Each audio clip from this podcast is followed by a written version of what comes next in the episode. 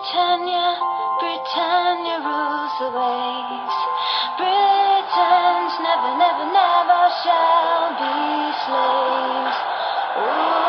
Britannia, Britannia rules the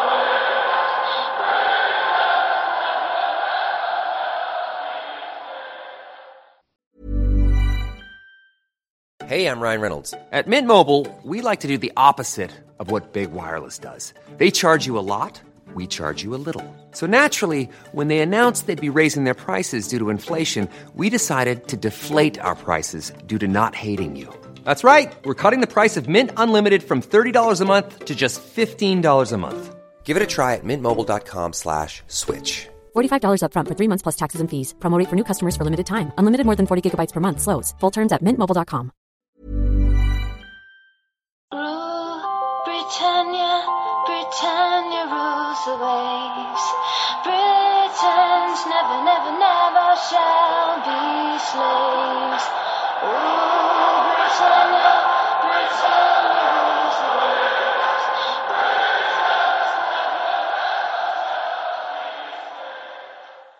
Hej och välkomna till avsnitt 122 utav Svenska FPL-podden. Vi står inför en säsongssummering utav säsongen 2021 och Eh, det är ju nu helt klart med eh, den säsongen och eh, ja, vi ska gå igenom lite vad som har hänt och blicka framåt. Det, idag, vi spelar in tisdagen den 25 maj och agendan för dagens avsnitt är att vi har en grej som jag kallar för Alex återblick och då ska vi kika bak vad har hänt under den här konstiga säsongen och prata lite kring de bitarna. Vi kommer ha något som kallas för säsongens utmärkelse där vi ger lite priser eh, till både positiva och negativa överraskningar och, och sådana saker, både spelare och lag. Vi eh, kommer kika in i poddligan som är avgjord. Eh, grattis till eh, alla vinnare som plockar hem priser. Vi ska även snabbt kolla in i betalligan som vår partner Glenn Sportsbar har hållit i. Den, även den är ju såklart avgjord.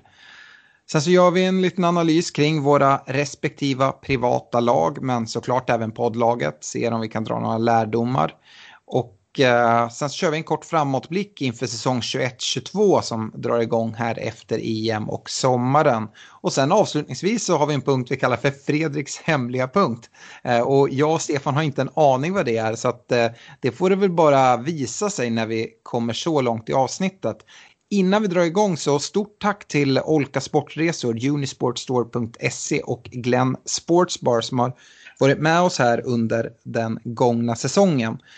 Ehm, och eh, ja, eh, grabbar, ni är med båda två och Fredrik, du sitter och håller på något hemligt här mot slutet av avsnittet.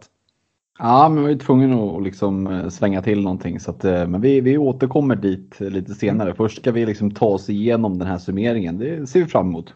Ja, det ska vi göra. Uh, Stefan, hur, hur känner du här nu när säsongen uh, är avslutad? Uh, Känner du lite bakfylla eller är du taggad inför återstart? Äntligen är den här skitsäsongen slut, så känner jag.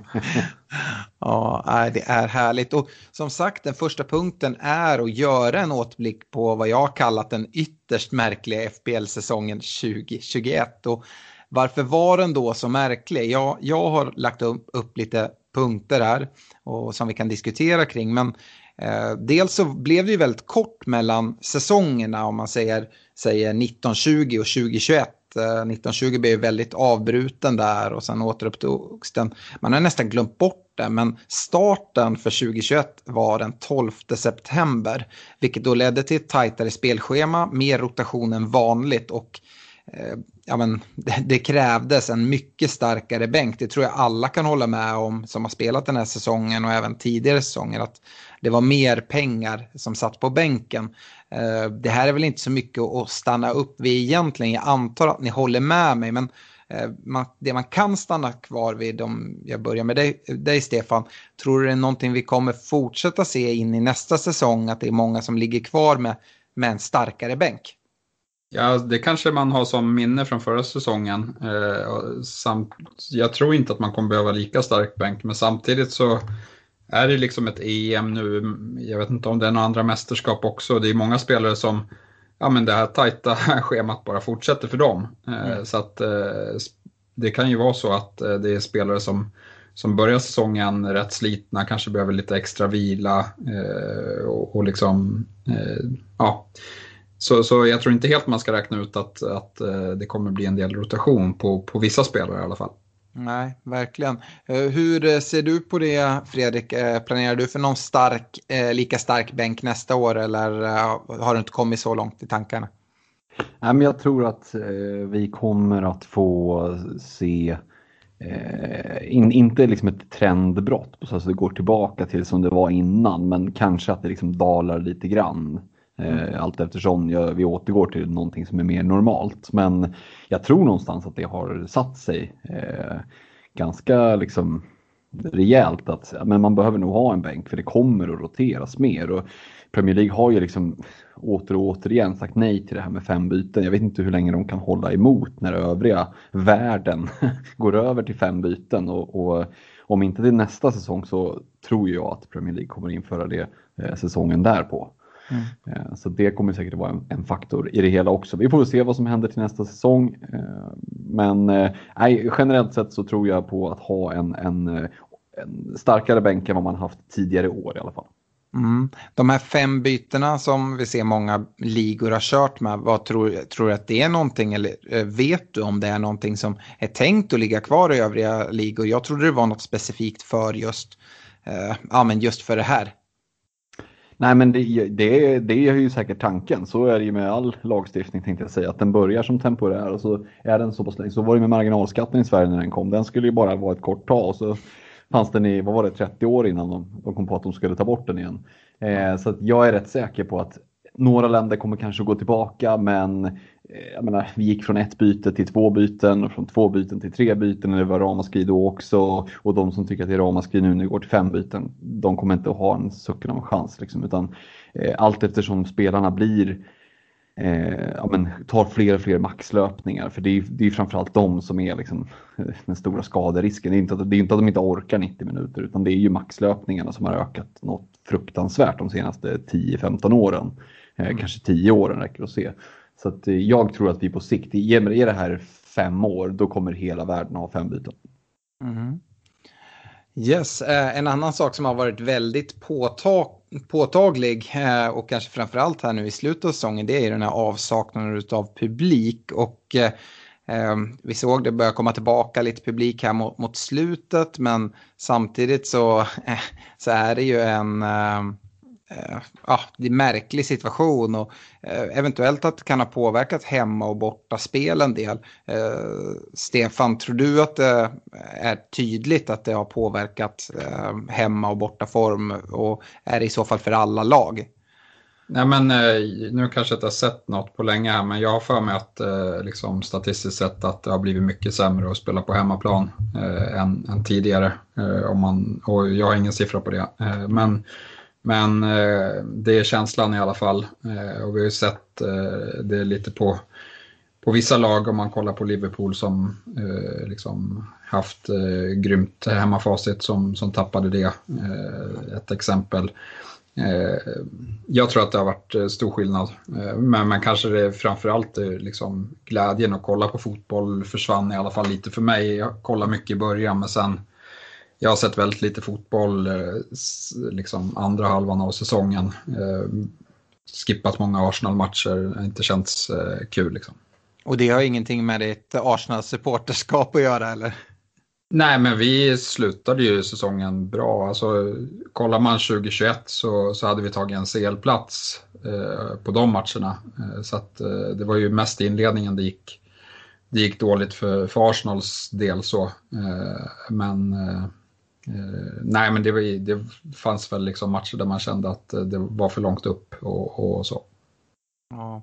Eh, om, om vi går vidare och bollar över till dig eh, Fredrik, jag antar att du kommer ihåg eh, det här som, som hände i början av säsongen och det kom straffar till höger och vänster, de här VAR-straffarna som, ja men VAR generellt som påverkade fantasy med en hel del bortdömda mål för. Eh, det är något, någon millimeter offside här och där och ska man mäta med armen eller vart, vart drar man linjerna. Men framförallt de här straffarna som kom. Vi hade ju ett avsnitt där vi bara konstaterade att jaha, det blir 200 straffar den här säsongen när vi, när vi summerar. Och det blev det ju inte.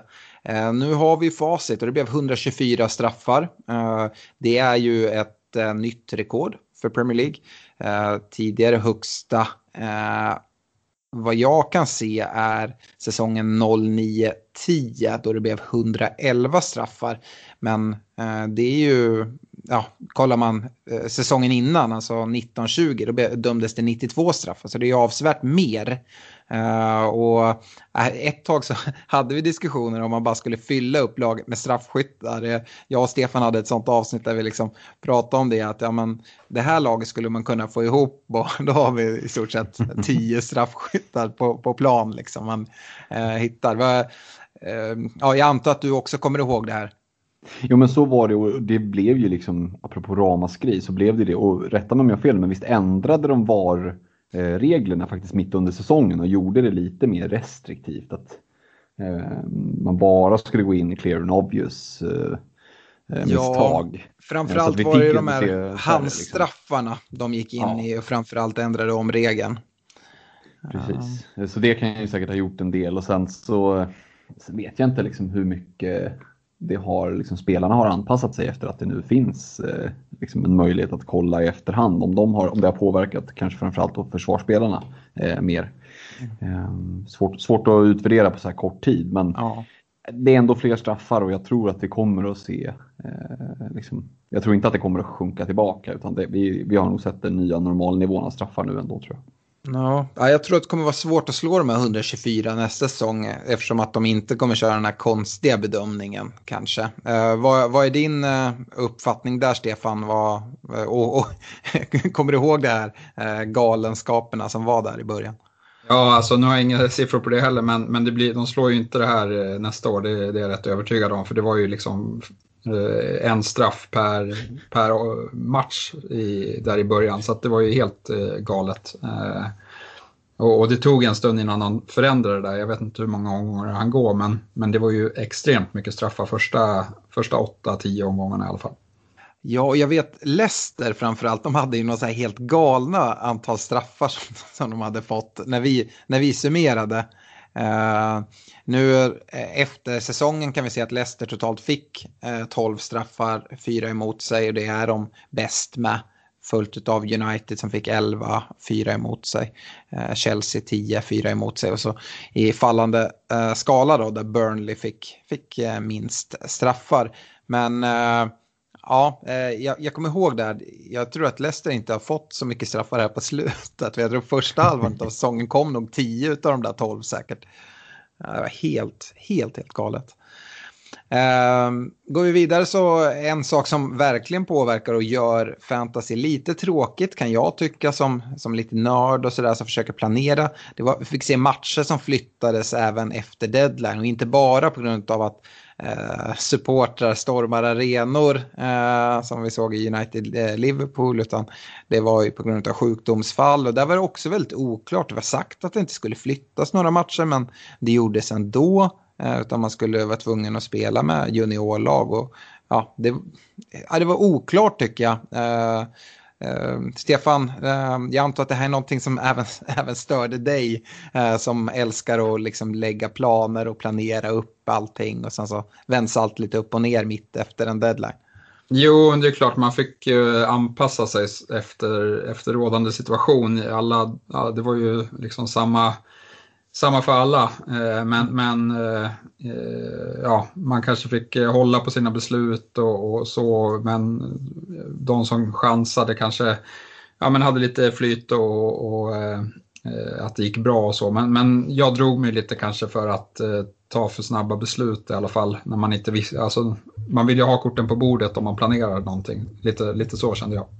Ja, verkligen. Och när matcher flyttas, ja men då blir det direkt blanks och doubles och det var ju ett tag det var helt galet. Jag kollade upp det där mellan Game Week 16 och 36. Då var det åtta åtta stycken vanliga game weeks. Som är vanliga, då menar jag att det är tio matcher och det är ingen som har blank, ingen som har dubbel. Övriga var det nog blank eller dubbel och eh, när man summerar det så eh, det var, eh, det var åtta stycken eh, blanks, eh, blank game weeks. Allt från eh, små blanks där det var två lag som blankade till ja, Game Week 29 där det var 12 lag som, som blankade. Vi såg sex stycken double Game Weeks. Eh, en av dessa var även en triple Game Week för United. Och det var allt från två lag till ja, men, galna 14 lag som hade dubbel i, i uh, Game Week 26. Uh, ehm, lägg där till då att det var blank i Game Week 1 för fyra lag, bland annat United och City som uh, ja, men är högintressanta fantasylag eh, med spelare från. Uh, och redan i, i, i ett ettan så har det blank, men den första dubben kom först i Game Week 19. Så att, ja, det är stökigt uh, tycker jag man, man, man, kan sammanfatta det. Och jag ser fram emot en lite mer normal säsong nästa säsong. Och eh, Fredrik, det kan vi väl ändå äh, hoppas på va? Ja men absolut och det är kanske inte bara för alltså jag älskar ju double game weeks och kanske inte lika mycket blank game weeks, men det kommer ju på, på köpet så att säga. Men om det blir för mycket sånt, alltså äter du glass varje dag, till slut blir ju inte glass gott.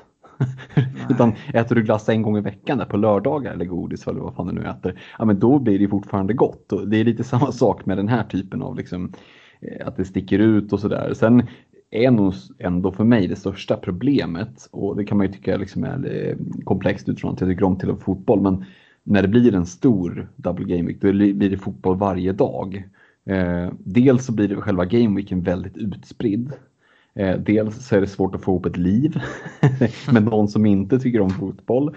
Eh, så jag tycker ju att det är liksom ganska skönt när de allra flesta gameweeksen är liksom lördag, söndag, kanske med en fredags kickoff på kvällen. Det är helt okej. Okay, liksom. Men, men eh, eh, sen kan det vara någon enstaka Gameweek som liksom sticker ut och sådär. Då får man liksom lobba inför den. Det är helt okej. Okay. Men jag håller med dig. En återgång till lite mer eh, normalt game week-schema, det, det är väl att föredra. Ja, jag tror, jag tror det här med att vi kommer få se utdragen game weeks, det tror jag är någonting vi tyvärr måste vänja oss vid. Det är ju väldigt mycket sådana den här säsongen, men jag tror att det kommer vara sen också. Det var många fredags deadlines och det handlar ju de fick ju en ursäkt nu till att, att, dra ut det lite så extra. Men det handlar ju mycket om tv-tider också och mm. uh, maxa antal matcher som går att sända.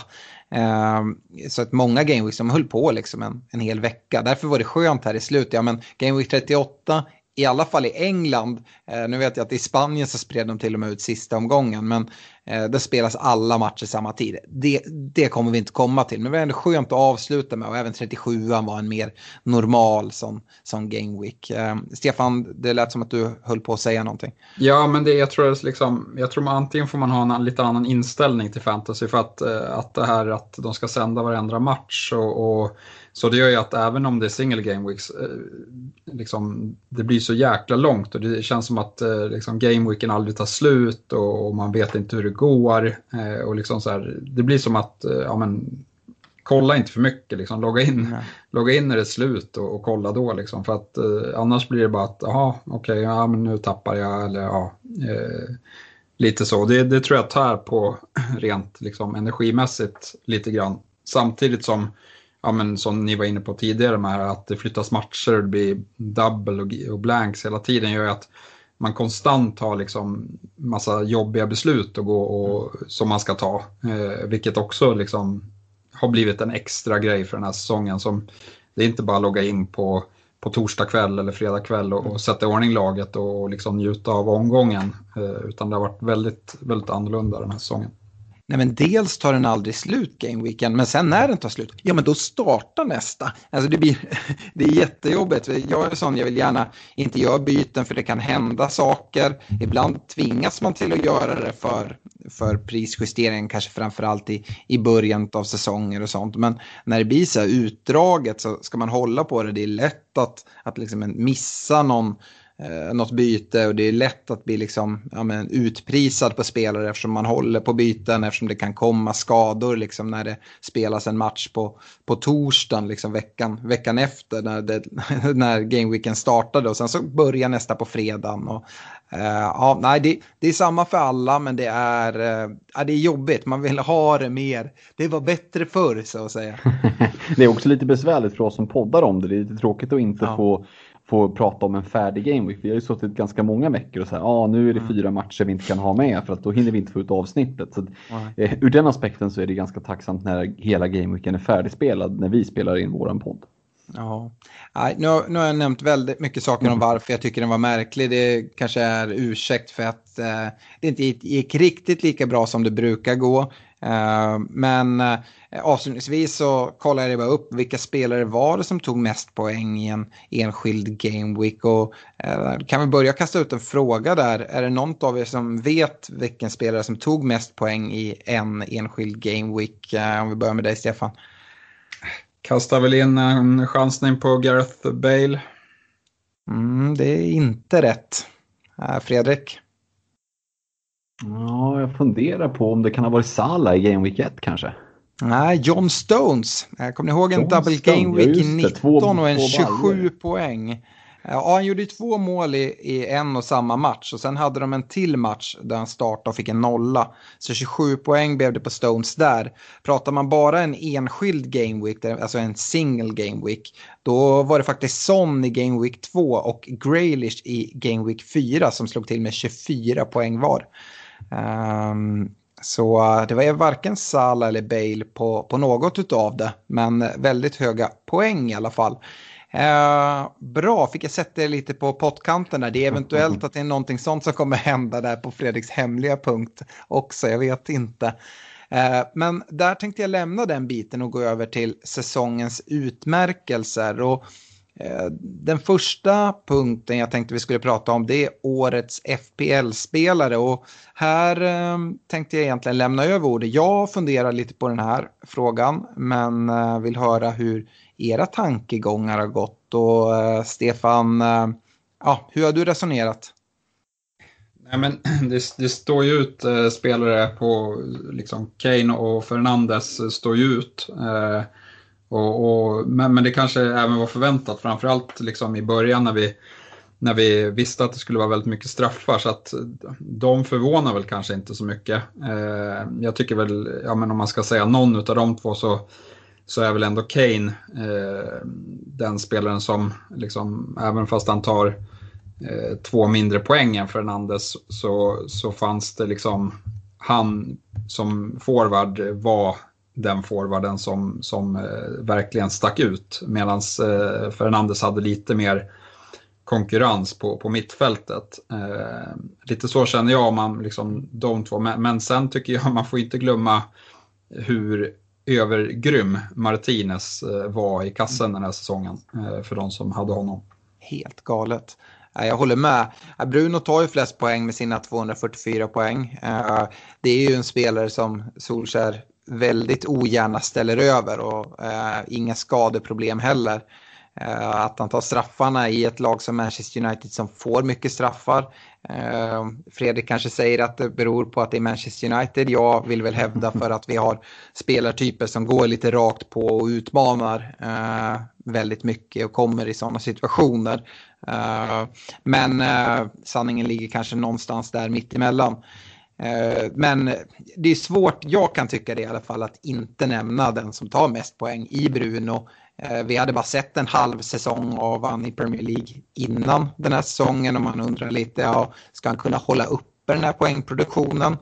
Eh, nu har han väl verkligen bevisat det här, tycker jag. Ehm, hur, hur resonerar du Fredrik när vi pratar årets FBL-spelare? Ja, alltså. Bruno är ju den självklara, liksom, det självklara namnet. Eh, jag tycker att man ska ha med sig förväntningar på vad man kan, liksom, vad man kan förvänta sig och sen prestation utifrån det. Och även med det resonemanget tycker jag att han är det. Men det finns ju ändå ett antal eh, bubblare att bolla upp på. Martinez som Stefan nämnde tycker jag absolut det förtjänar ett omnämnande. Eh, någon som faller lätt i glömska på grund av att han skadade sig, det är ju Jack Grealish eh, som mm. ju gör en jättesäsong första två tredjedelarna. Eh, och hade han inte skadat sig så tror jag att vi hade haft med hans namn väldigt högt upp. Mm. Nej, Grealish känns eh, som, som en eh, sån där outsider. Nu, blir, nu var han ju skadad så pass länge så han kan ju liksom inte ta sig in på, på, på fullt ut. Men eh, det vi såg av honom och, och. Men alltså han är väl den närmsta vi kommer talisman för sitt lag. Så som vi har sagt att Kane är för Spurs. Mm. Det är ju Grealish för, för Aston Villa. Det såg man ju inte minst på, på Villas poängskörd när han var borta.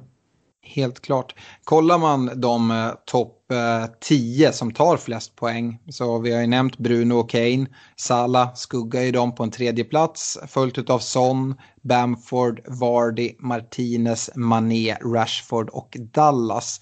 Och eh, där vi ska på nästa punkt prata årets FPL-överraskning och då tror jag att vissa av de här spelarna kommer att nämnas. Men jag tycker det är värt att nämna redan nu en spelare som Patrick Bamford som kommer på en femte plats, 194 poäng och är den forward som tar mest poäng efter Harry Kane.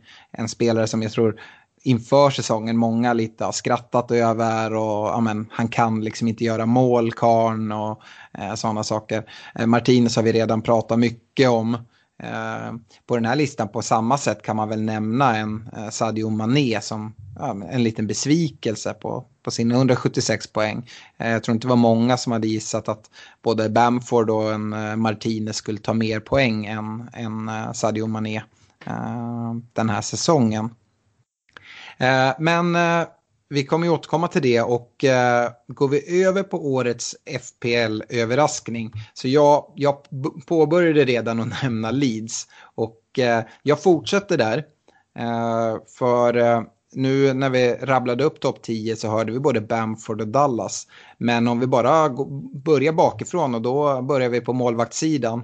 En eh, Meslier som jag vet att du Stefan satt en del med under säsongen. Han tar 154 poäng och är den tredje bästa målvakten med det. Eh, en Dallas eh, i försvaret, 171 poäng. Blir bästa poängplockare bland försvararna före spelare som Trent och eh, Robertson. Och, det är helt osannolikt skulle jag säga. Går man över till mittfältet hittar vi en Harrison, den sjätte bästa mittfältaren i spelet, eh, bara efter spelare som Bruno, Salah, Son, Mané och Rashford som är en helt annan prisklass. Uh, och sen på forwardsidan har vi Bamford då som är näst bästa anfallare efter Kane. Vad, vad säger vi om Leeds, uh, Fredrik? Nej, det är ju hatten av verkligen. Och, och nej, men vi har ju varit inne på det många gånger, att, jag vet inte hur många veckor vi har sagt att nu, nu ser det bra ut, nu vill man dubbla, nu vill man liksom till och med fingra på och, och trippla. Det ska bli väldigt spännande att se hur de tar sig an nästa säsong. Eh, och speciellt då spelare som du nämner som som Dallas. Han kommer ju sannolikt inte vara listad som någon försvarare nästa säsong. Blir det liksom en, gör han en John Lundström och går in i, i skuggorna där, eh, tro. Eh, Eh, Patrick Bamford, det här var ju hans överlägset bästa säsong någonsin. Var det en one hit wonder eller kommer, kommer han att falla tillbaka till liksom Championship-nivån han har hållit tidigare? Det, finns, det är så oerhört imponerande det de har gjort. Men jag är inte supersäker på att det här är deras liksom normalnivå framöver vad det gäller poäng i fantasy. Utan jag, eh, det ska bli intressant att se vad de värvar, eh, lite hur, hur och vilka de får behålla. Får de behålla en Rafinha eller inte till exempel? Men eh, det är inte så att jag kommer liksom bara ösa in Leeds-spelare i mitt lag nästa år enbart baserat på liksom, om de gjorde det bra förra året. Jag, är, jag ska inte säga att jag är skeptisk, för det förtjänar de inte. Men eh, jag hyllar dem ändå med sans. Mm. Så. Det, det svåra är ju hur prissättningen kommer se ut för Leeds-spelare. Jag tror ju knappast att en Messler i kassen kommer kosta 4,5. Han kommer nog höjas till 5,0. Dallas som du nämner kommer vara mittfältare och då är han för mig helt ointressant även om han prisas lågt. Precis som, som Lundström äh, från förra året. Äh, då kanske man ska kika mot en äh, Luke Eiling eller så som kanske kan stanna lite lågt i pris och sådär. Men äh, det, det är svårt. Uh, Stefan, har du någon uh, FPL-överraskning som, som du vill, vill lyfta? Jag har några fler, men jag tänkte jag bollar över. Jag vet inte om det uh, kvalar in här kan, riktigt, men, men Eh, en, en överraskning är ju Gündogan som han kommer på efter Harrison, men han tog ju typ alla sina poäng efter halva säsongen. Mm. Eh, så det är väl lite för mig och rent generellt så eh, han var inte ensam om att ha sådana där streakar. Vi hade, liksom, vi hade Son i början som var helt galen. Eh, sen, sen hade vi säkert någon till om, om det kanske var en Graylish. Eh, sen, sen kom Gündogan och liksom så långa streakar med 8-10 matcher där de var grymma och mm. efter det så, så kom ju Lingard ja. från, från, ingenstans. Eh, sen hade vi Anacho eh, som, som var riktigt vass.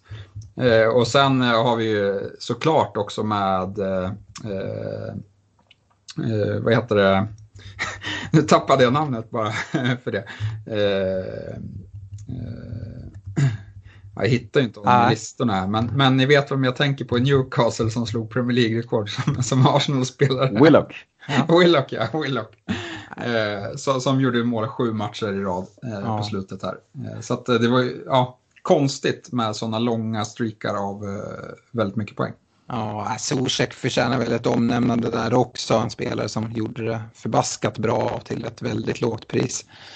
Ehm, um, vad, Fredrik, eh, är det någon vi inte har nämnt som, som du vill, vill prata om eller någon du vill lägga ut texten lite mer om?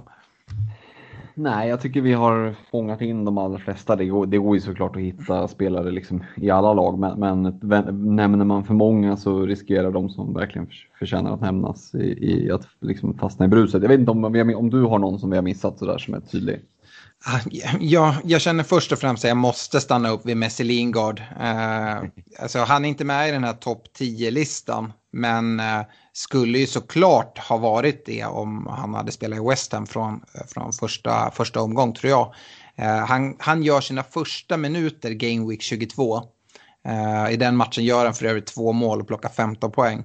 Eh, sen så eh, under de 17 kvarvarande Game Weeks eh, där startar han 16 stycken, tar 106 poäng. Slår man ut de här 106 poängen på de 17 gameweeksen som han är i, i West Ham, ja, men då, då tar han eh, och sen så multiplicerar man det med 38 istället. Eh, då är han på 237 poäng, bara endast 7 poäng efter Bruno Fernandes som, som toppar hela alltet och före en spelare som Sala. Att han skulle hålla den nivån över en hel säsong, inte speciellt troligt, absolut. Men eh, jag tror absolut han hade kunnat peta ut eh, en, en Dallas eller Rashford eller Mané som ligger där runt 170 poäng eh, över, över helåret. Det, det tror jag verkligen. Och när vi pratar runt 170 poäng så tycker jag även att en spelare som Ollie Watkins som hamnar på 168 poäng eh, är, eh, ja, men är värd att nämna. Han hamnar precis utanför de här topp 10. Och eh, aj, superimponerande och det var verkligen en överraskning eh, för mig. Eh, går vi in på FBL-besvikelse eh, så tänker jag ta ordet direkt här. För jag tänker inte släppa den här till någon. Kommer ni ihåg vad vi, vad vi pratade om inför säsongstart? Att Aubameyang kliver ner som mittfältare. Han måste in. United och City hade, hade, mm, hade blanks i Game Week 1. Auba hade fina matcher där första två. Han satt väl i mer eller mindre varje lag med, med binden också i, i många fall. Eh, och det var en sån här spelare som man tänkte att ja, ja men han är ju med de två första. Sen frågan är om man ska sitta kvar med resten av säsongen eller om man tar ut en kortis där. Men alltså det finns 23 mittfältare i spelet som tar mer poängen än Aubameyangs 131. Och däribland har vi då en eh, Eh, Traoré, Aston Villa, vi har en Bowen i West Ham, Pereira, West Bromwich, Trossard, Brighton, Foden i City som man så tycker jag aldrig fick spela. Uh, Stefan, uh, jag lämnar över ordet till dig. Uh, ja, jag tycker det är helt sanslöst egentligen. Ja, nej, det var ju mycket också. Han gör ju en jättesvag säsong. Och liksom, men Arsenals första 15 matcher på säsongen var ju, jag tror vi, vi låg nästan på nedflyttningsplats. Eh, efter, eh, ja, när, när vi var i december. Var på plats 15 eller 16. Eh, något sånt. Så det var ju liksom, han var dålig, laget var dåligt. Eh, men, men sen kom inte han igång riktigt heller när, det var ju, det var ju andra spelare som, eh, som lyfte Arsenal andra halvan av säsongen. Det var ju mycket tack vare, ja men Partey kom tillbaka, Xhaka var bra, eller Saka var bra. Eh, så, så, och Lacazette gjorde faktiskt fler mål än vad Aubameyang gjorde. Eh, så att, eh, nej, eh, jättekritik till, till honom eh, såklart. Mm. för mig är det den enskilt största floppen, eller floppen, med besvikelsen eh, i fantasy den här säsongen. Eh, vad tror vi eh, Kommer han stå kvar som mittfältare nästa säsong, tror du Fredrik? Och kan det, kan det vara någonting att blicka mot? Eller man kan ju gissa att det blir någon prissänkning eventuellt från fantasy också. Ja, jag håller med om att det är... Eh, för mig finns det en dubbel och en singel. Singeln är Aubameyang vad det gäller eh, besvikelser. Liksom. Eh, och huruvida han står kvar, jo men det behöver han väl göra. Tycker inte att han har, har liksom spelat mer offensivt i år än vad han gjorde förra säsongen. Liksom. Så det verkar konstigt om de skulle flytta tillbaka honom. Priset, ja, kanske lite neråt, men jag tror ändå att de vet vilken nivå han har hållit, så jag tror inte vi kommer se någon superdipp. Liksom. Men jag vill lägga till det att jag håller, som sagt, jag håller med om Aubameyang, men jag hade ju oerhörda förväntningar på eh, Timo Werner och Kai Havertz. Eh, ska jag kanske också lägga in en Hakim Ziyech där, kan göra en till en trippel helt enkelt. Jag var helt övertygad om att trippel Chelsea-anfall, det kommer man att sitta med en stor del av säsongen inför. Eh, och Werner var oerhört hypad liksom och, och eh, Havertz, liksom, tar de Havertz då vinner de, då vinner de PL och liksom, ja, det var väldigt mycket sånt snack och så, ja, nu, nu, är det liksom absolut första säsongen och man ska ju verkligen ge dem möjligheten att komma in i det och, och kanske framförallt Havertz har väl visat lite på slutet att han besitter ju ändå mycket kunskap men alltså, Timo Werner, hmm, han bör nog vässa till sina avslut om han ska bli långvarig i Chelsea tror jag. Så att, nej, det, det känns som en, Chelseas anfall känns som en väldigt stor besvikelse för mig. Jag tycker det är hårt mot Werner. Uh, han har ju blivit lite av en meme, uh, men samtidigt, jag tycker även, eh, du nämner Havertz har blivit bättre, så tycker vi även man sett tydliga tendenser från Werner. Det är också, precis som Ollie Watkins mycket väl skulle kunna liksom adderat en 40-50 poäng till sin, sin score. Eh, om vi inte hade haft VAR den här säsongen så hade eh, har Werner haft oflyt med några millimeter här och där. Och, eh, han är där, han är nära. Eh, Werner är en spelare jag absolut eh, har tankarna på inför starten nästa säsong. Eh, nu med Torshäll som har tagit över också. Eh, det är den här besvikelsen på Chelsea. Ja, men det, nu blir man ju hatad av alla Chelsea-fantaster. Men eh, alltså Lampard som en väldigt oerfaren manager och Torshäll kommer in och visar direkt liksom, skillnad i, får in en manager med lite erfarenhet. Eh, jag tror det kan finnas ganska bra värde i, eh, i Chelsea-spelare eh, under nästa säsong. Så att, eh, eh sen så absolut, jag hade högre förväntningar. Jag trodde att de skulle ta mer poäng när vi startade den här säsongen än vad de, vad de landar på. Men eh, ja, jag tycker man ser tendenser och det, det är en riktig fotbollstränare i klubben. En annan besvikelse som jag tycker det är egentligen Manchester City om man kollar in i dem. Äh, inte på något, något sätt någon besvikelse i ligan men just fantasymässigt tycker jag ändå det.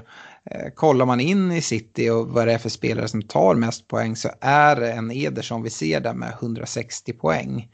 Vi har, det är inte helt jättekonstigt sett till att han står de flesta matcherna förutom när Scott Carson ska in och, och stå mellan stolparna.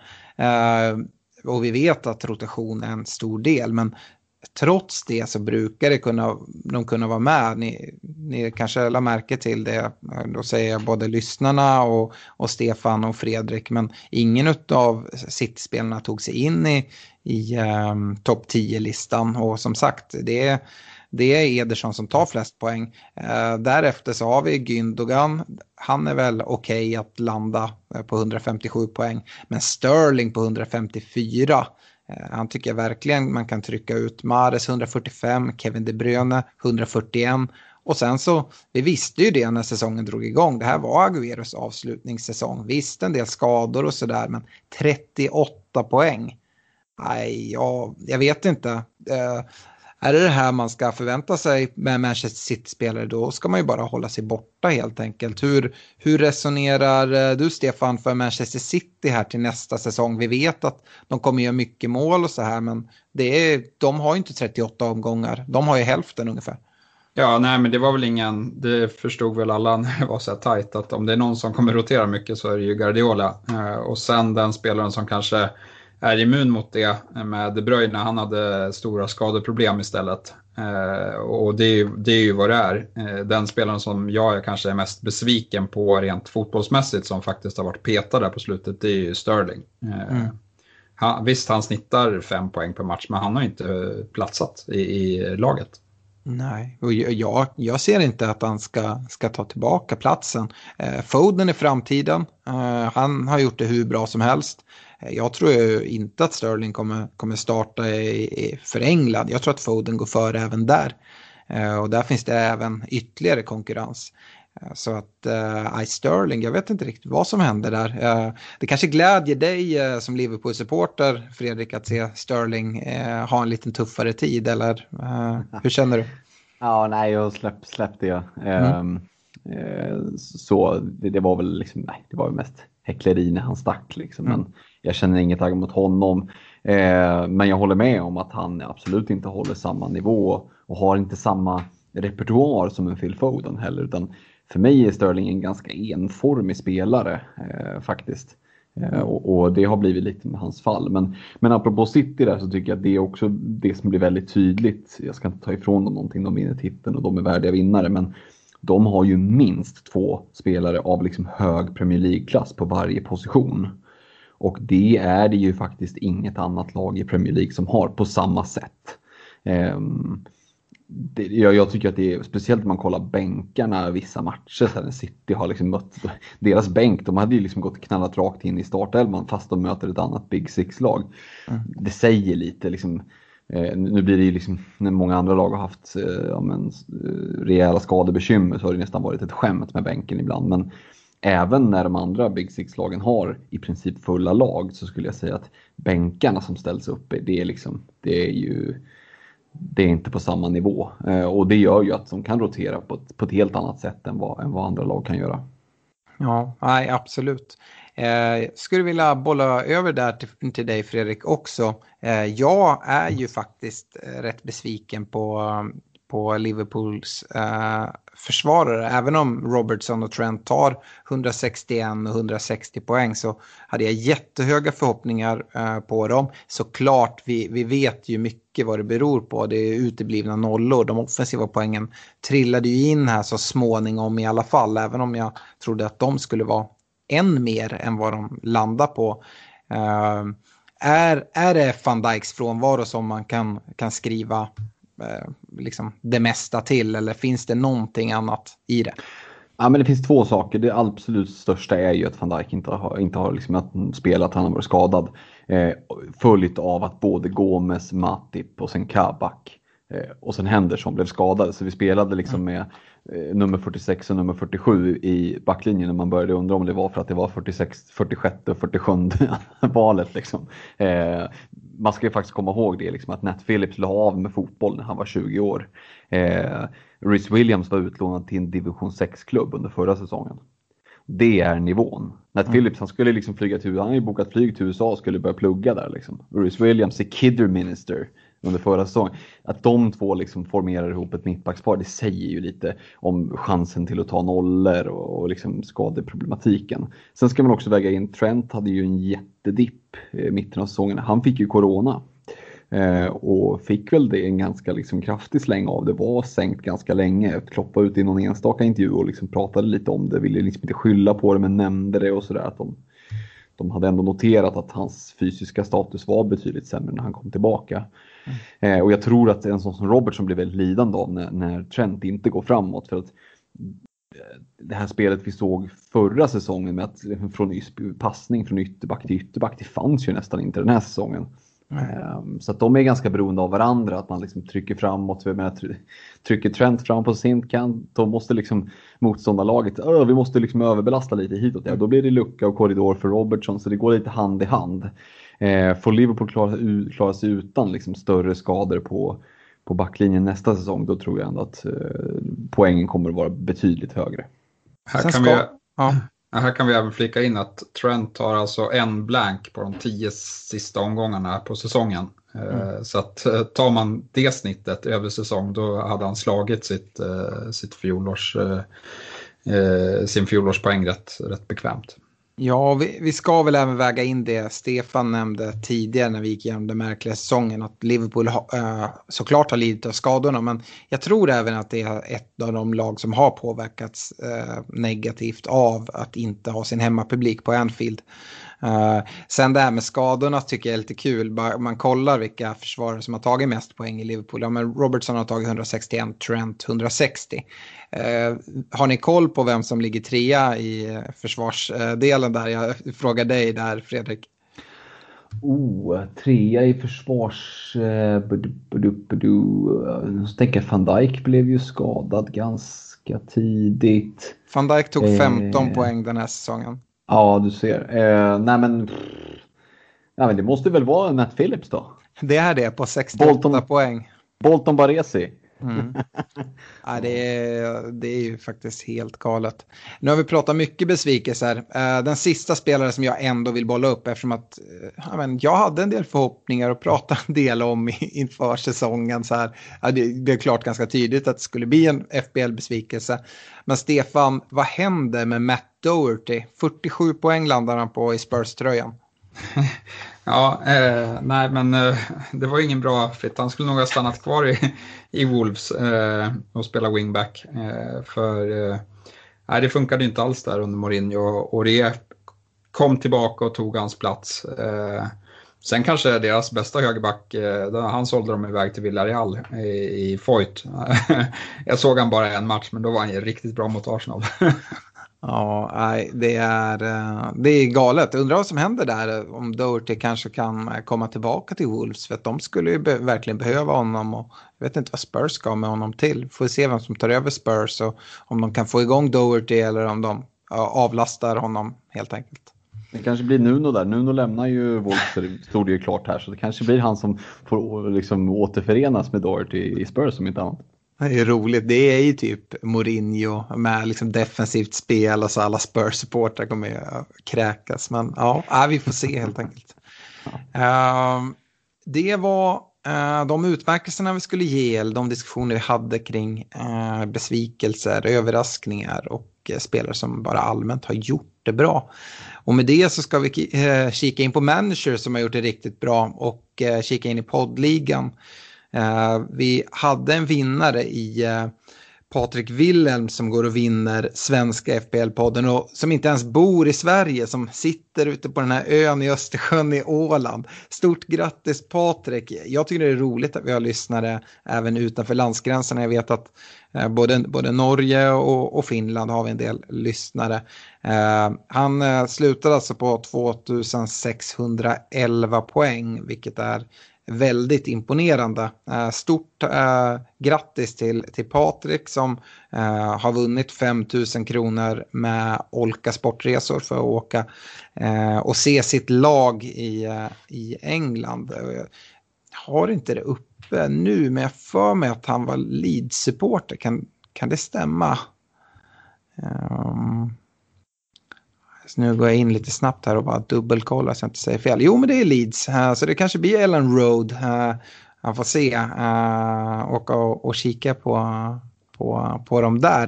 Uh, stort eh, grattis till även övriga pristagare. Det är ju vinnare från, från plats 1 till plats 11 och priser från Unisportstore.se, Glenn Sportsbar och som sagt Olka Sportresor. Eh, det är flera som har hört av sig, eh, dock inte alla. Jag har inte hunnit återkoppla till alla men det kommer inom kort. Era priser kommer att skickas. Vissa har redan fått eh, sina priser. Ni som inte har hört av er, Eh, se till att göra det, skriv till oss på Facebook eller eh, via mail. Jag la ut mailadressen i ett inlägg på vår Facebook-sida där. Eh, så kika på det, hör av er eh, med era eh, kontaktuppgifter så ska vi lösa de här bitarna. Eh, om det är så efter några dagar här, vi ser vilka som inte hört av sig så kanske jag skriver ut de namnen och ser om det är någon som känner dem som får ge dem en liten stöt i sidan så att de hör av sig. Uh, men nej, riktigt, riktig hög nivå. Eh, uh, Oskar Berglund är den som tar sista prisplatsen på plats 11. Han hade 2549 poäng. Så uh, nej, kul att se. och se om de här grabbarna kan vara med och slåss om det även, även nästa säsong. Det, det är ju tufft där uppe. vad, ja, vad säger du? Fredrik, du var ju den som var, var närmast efter de här de här gubbarna. Uh, men uh, blev ändå en bit efter. Du landar väl på knappa uh, 2500 va? Mm, ja, du, du frågade mig ju där med två omgångar kvar om jag skulle nå det med 24, 2492 eh, landar mm. vi på. Så att det är en, en, en eh, ganska stadig bit efter, efter vinnaren och även efter eh, plats 11. Så att, nej, verkligen hatten av till dem som har kommit i, i toppen där. Väl värda sina, sina priser. Eh, men jag är nöjd med, med min säsong. Mm. Eh, lyckades ju klämma in med där topp 10 000. Eh, så det var ja, Ja, absolut. Plats 65 i poddligan eh, hamnar mm. du på också. Uh, så det, det är bra. Uh, värre var det för oss, Stefan. Vi ska gå till våra lag snart, men innan vi lämnar de här eh, uh, ligakollarna så ska vi även säga det att uh, vår uh, samarbetspartner i Glenn Sportsbar har uh, även haft en liga som, som vi samarbetar med som heter Fantasy Glenn League 2021 där 25 procent av de pengarna som man går med i för ligan går till Barncancerfonden. Och och övrigt går till prispotter. Det har varit jättefina eh, priser. Dels har det varit för, för varje Game Week har det varit pris. Det har varit månadspriser, fyra stycken. Eh, och det har varit fotbollsresor som man kan sticka iväg på. Det är för dig och en kompis. och sen så eh, vinnaren Adam Westlund, han eh, vinner ju att åka iväg på en eh, valfri match här i eh, Europa eh, tillsammans eh, med, eh, med oss grabbar och även eh, Martin och Mackan från, från Glenn och det ser vi verkligen fram emot. Jag vet att, att Martin där på Glenn hade eh, en liten utfrågning i och intervju med de som hade chans att vinna. Och Adam sa att han eh, skulle åka till Barcelona. Så det ser ut som att det blir Barcelona för oss grabbar. Det, det är väl helt okej, okay, eller? Ja, det låter ju strålande. Så nu får vi Messi fan se till att, stanna kvar den här säsongen. ja, ja, kanske vi får se Agüero också. Ja, han är, han är nog eh, klar då. Ja. Eh, men det, det är roligt. Eh, Eh, Glenn kommer även köra en liga inför nästa säsong och fortsätta med de här äh, fina priserna och förhoppningsvis ännu fler månadspriser, alltså fler resor och så. Så om ni inte var med äh, den här säsongen, se till att vara det. Adam däremot ska vi skicka någon form av bastning på. Han är ju inte med i poddligan som äh, är helt kostnadsfri att vara med i och hade han varit det så hade han, hade han slutat på en andra plats.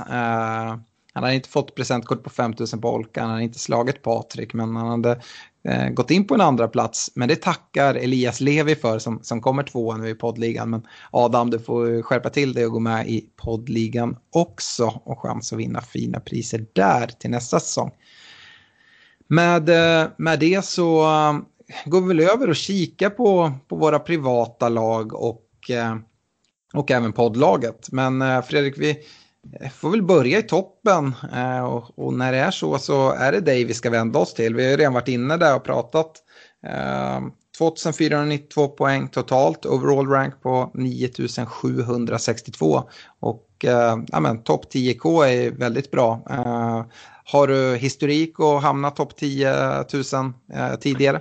Jag har inte det, så det var ju ett väldigt skönt glastak att spräcka och förhoppningsvis så kan man liksom sätta en, en realistisk målsättning om att vara det eh, framöver också. Men, men det är, eh, nej jag är supernöjd utan att liksom skryta och med, med, i, med, med liksom i åtanke nu att vi har presenterat vinnarna i, i poddligan och Glennligan som var en bra bit före det här. Så nej, jag är ändå nöjd med säsongen och, och Eh, inte minst med eh, den utdelningen som blev i de miniligorna som jag var med i.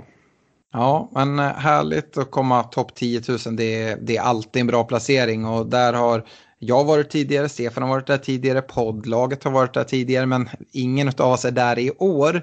Eh, det blir också svårare, det blir fler och fler spelare för, för varje säsong. Så att, eh, jag har gjort lite analyser, våra lag emellan och så här saker, men den snabbaste analysen det var egentligen att kolla Game Week 1.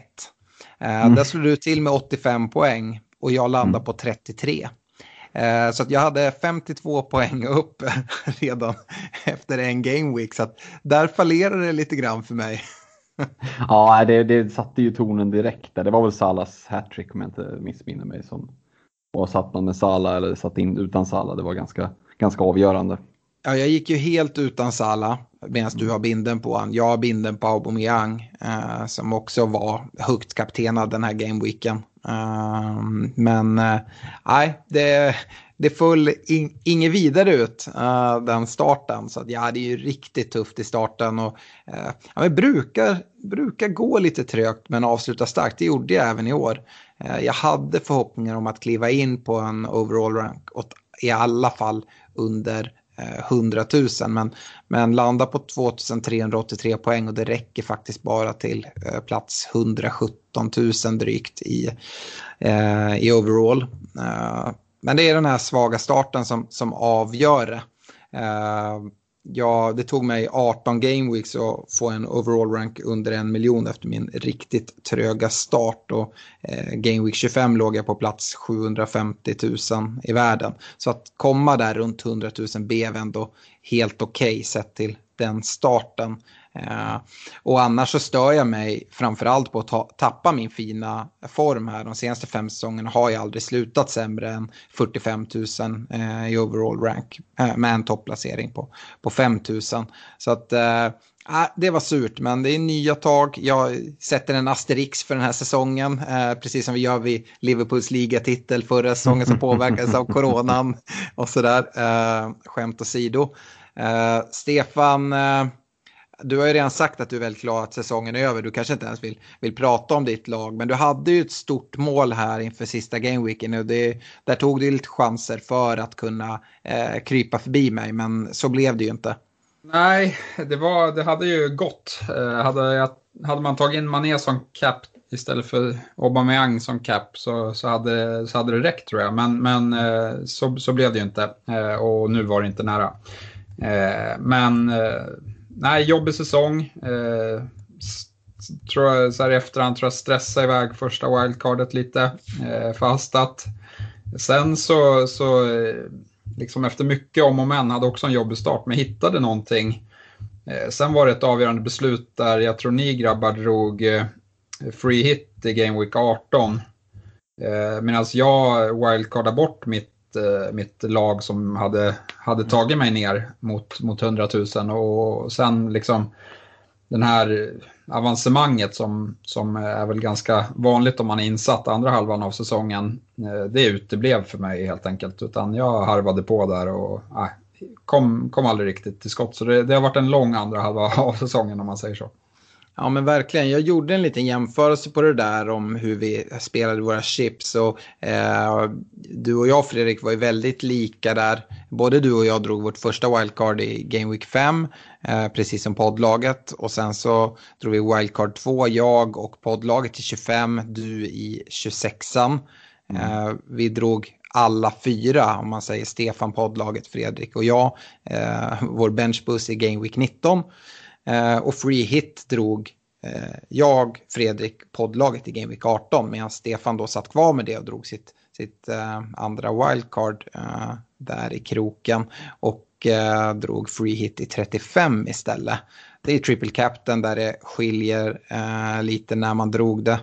Eh, så att eh, ja, eh, det är intressant. Jag gjorde även jämförelser, eller det kanske jag kan ta sen. Först eh, eh, poddlaget ska vi nämna. Det är faktiskt poddlaget som tar sämst poäng av oss alla. Eh, Stefan, du slutar på 2358 poäng och en overall rank på 173 000 ungefär. Uh, och poddlaget är ytterligare 20 poäng bakom och med 20 poäng mindre så hamnar man eh, en, sådär 60 000 platser uh, ner. 237 000 i, i rank. Ja, men en annan intressant jämförelse att se, och Fredrik, du är ju väldigt restriktiv med dina minuspoäng och sånt där. Det mm. vägs ju in, men eh, då tycker jag det är intressant att se hur många man tar. Sen så, det där blir ju, det, det säger lite om vilken manager man är, men sen är det ju of, ofta också om man, om man går bra och, och, tar bra med poäng, ja men då tar man kanske inte lika mycket minus. Men du tar ju endast 20 minuspoäng över hela säsongen jämfört med Stefans 76. Um, ehm, själv tar jag 60 och poddlaget 44. Uh, ehm, vad gör vi för analys där då, uh, Fredrik? Uh, håller du med mig i det jag nämner generellt kring uh, att ta minuspoäng eller inte? Mm, absolut, det påverkas ju. Ju högre upp du, du ligger desto liksom mer restriktiv blir man. Ligger man en bit efter då blir man ju lite mer trigger happy. Så har det varit för mig tidigare också. Men, men eh, jag är ju, det har säkert inte undgått någon, men jag är ju väldigt restriktiv just med att liksom trycka av de här minus fyra och så. Ska jag göra det så gör jag det helst i ett fattigmans wildcard med två fria byten och, och kan göra tre byten för att slå om ja, men liksom strategin lite och hur, lite hur, eh, hur bygget är liksom uppbyggt och sådär. Eh, raka sidledsbyten för att ta minuspoäng, ja då ska det finnas en väldigt långsiktig liksom, nytta med det. Eh, men eh, jag har verkligen försökt att hålla mig i schack den här säsongen också, att inte liksom eh, ja, men hafsa iväg. För det blir ju lätt när du sammanställer det så här, det skiljer ju jättemycket. Ni har tagit 76 och 60, alltså det är ju det är 56 och 40 poäng i bara liksom ren. Eh, och sen är det säkert några av de tagna minuspoängen som har genererat liksom ytterligare pluspoäng, så jag säger inte det. Men, men eh, jag tror generellt att det skulle vara spännande att se vad, vad de som ligger i, i världstoppen overall rank, liksom, vad många de har tagit. Det, det kommer säkert att skilja sig där också, men jag tror att de har relativt låga minuspoäng. Det är min gissning i alla fall. Mm. Ja, men så är det. men det är lite samma där också. Kollar man många av de som ligger väldigt, som slutar väldigt bra, de får bra inledningar och sen så har de liksom eh, medvind rätt igenom och eh, det är klart att de inte alltid liksom, tar superscorer men ja, men det studsar rätt ganska ofta kan man, kan man nog konstatera. Och då, eh, då är det klart att eh, minuspoängen Eh, Eh, de trillar inte in. Eh, som för dig Stefan, där var det nästan tvärtom ett tag. Och det är ju ofta så, allt skit kom på en gång. Gör man ett byte och tar in någon som man tror på, som har sett väldigt fin ut, man har gjort rejäla analyser på allting. Ja, men så drar han baksidan eh, dagen efter man har tagit in honom. och sen är det några andra spelare som också skadar sig samtidigt. Så behöver man, behöver man ta lite minus för att till och med få ihop ett lag. Förstår du vad jag pratar om där Stefan? Ja, men det var ett, ett tag jag bara bytte ut skadade spelare kändes som. Eh, men, men jag kollar lite så här, som jag tror det är för enkelt att säga att det alltid är negativt. Eh, så jag tror att först, min första halva av säsongen var bättre än andra halvan och då tog jag ändå rätt. Jag tror att jag tog 50 av de där minuspoängen första halvan och, och 20 av minuspoängen andra halvan. Så att, eh, det behöver inte gå hand i hand, men, men det är klart att det Eh, man, man, måste ju träffa de här minuspoängen om, om det ska vara värt det såklart. Och det, det är ju större risk i det, i det helt klart. Ja. Uh, utöver de här minuspoängen, det som verkligen, verkligen påverkar uh, och det har vi varit inne på i flera avsnitt uh, och inför avsnitt för, för med, liksom inför säsong och sådär. Det är ju kaptensval. Därför tycker jag att det är intressant att kolla på det. Dels hur många poäng eh, ens respektive kapten tar. Eh, men sen bara för att liksom eh, må dåligt så kollar jag på vad skulle ha hänt om man hade satt eh, eh kaptensbindeln på sin vicekapten över en hel säsong och se vad det är för differens däremellan. Och sen även kolla hur har du lyckats med din liksom, bänkuttagning Eh, och hur mycket poäng har det suttit med på bänken eh, över säsong. Eh, och börjar vi kolla där på, på vem som har liksom lyckats bäst med kaptenen så Fredrik, har du en gissning på vem av dig, mig, Stefan och poddlaget som har flest kaptenspoäng? Åh, vad taskigt. Sätter du min sits där jag borde gissa på mig själv. Men någon form av gentleman-grej borde jag inte. Men jag gissar på mig själv då. Ja, det gör du ju helt rätt i. Ja. Uh, eh, 572 poäng blev det. Uh, och det skulle jag säga är riktigt bra. Det är snitt på, på 15 poäng uh, på din kapten mm. över säsong. Uh, vilket är jättebra. Uh, andra plats kommer podd, uh, poddlaget, men Eh, podden, jag och Stefan, vi ligger ungefär runt eh, ah, samma, ungefär 500 poäng. Så faktiskt en, typ 70 poäng efter dig. Eh, och ja, både jag och Stefan, ja, Stefan har 494, jag har 496 och poddlaget 506. Men snittar med det så blir det ungefär 13 poäng. Eh, och det kan tyckas, ja men 13 eller 15 är ju inte så stor skillnad, men över 38 omgångar som sagt så blir det en 70 poäng ungefär. Eh, så att eh, nej, där, där är en väldigt liksom, viktig del. Och jag har ju tidigare sagt att jag skulle verkligen välkomna att man helt tar bort kaptensvalet för att jag har ju obotligt svårt. Och, eh, kollar man även på om jag skulle ha sagt Binder på min vicekapten så är jag den enda som skulle fått mer poäng på min vicekapten än eh, min min valda kapten. Du har gått in på varje gameweek för sig. Då hade jag nästan nått upp i din, din kaptenspoäng, Fredrik. 550 poäng hade jag fått med min vicekapten. ja, det är underbart. Då vet du hur du ska göra nästa säsong. Det är bara att sätta det och sen så det sista du gör fem minuter innan deadline, det är att switcha det liksom och tryck. ja, det är helt galet. Då hade jag snittat på 14,5 poäng eh, på min kapten istället för 13. Eh, ni övriga hade bättre val med er kapten eh, än er vicekapten kapten. Men för Stefan skilde det två poäng mellan vice eller eh, kapten. Den största differensen hade ju du då såklart Fredrik. Och din kapten tog 102 poäng mer än vad din vice kapten skulle ha tagit. Um, och för Stefan och poddlaget var det hyfsat samma. Uh, jag vet inte vad man exakt kan göra för analyser av det mer än att det är jävligt viktigt att sätta sin kapten. Uh, det är, Eh, kollar man bänkpoäng, ja, men det betyder ju inte att man har gjort dåliga uttagningar eh, per automatik. Det kan ju vara att man har haft en väldigt stark bänk eh, över hela tiden. Men även där sitter jag med flest poäng på bänken överlägset. Jag vann till och med pengar i en betalliga för att jag var den som hade mest bänkpoäng över hela säsongen. 344 poäng har suttit på, på min bänk. Tänk om man kunde haft benchboost varje, varje game week och för att sätta det i perspektiv uh, så Fredrik, du hade minst, du hade 226 poäng på bänken. Uh, så, och sen ja, Stefan hade 287 och poddlaget 272.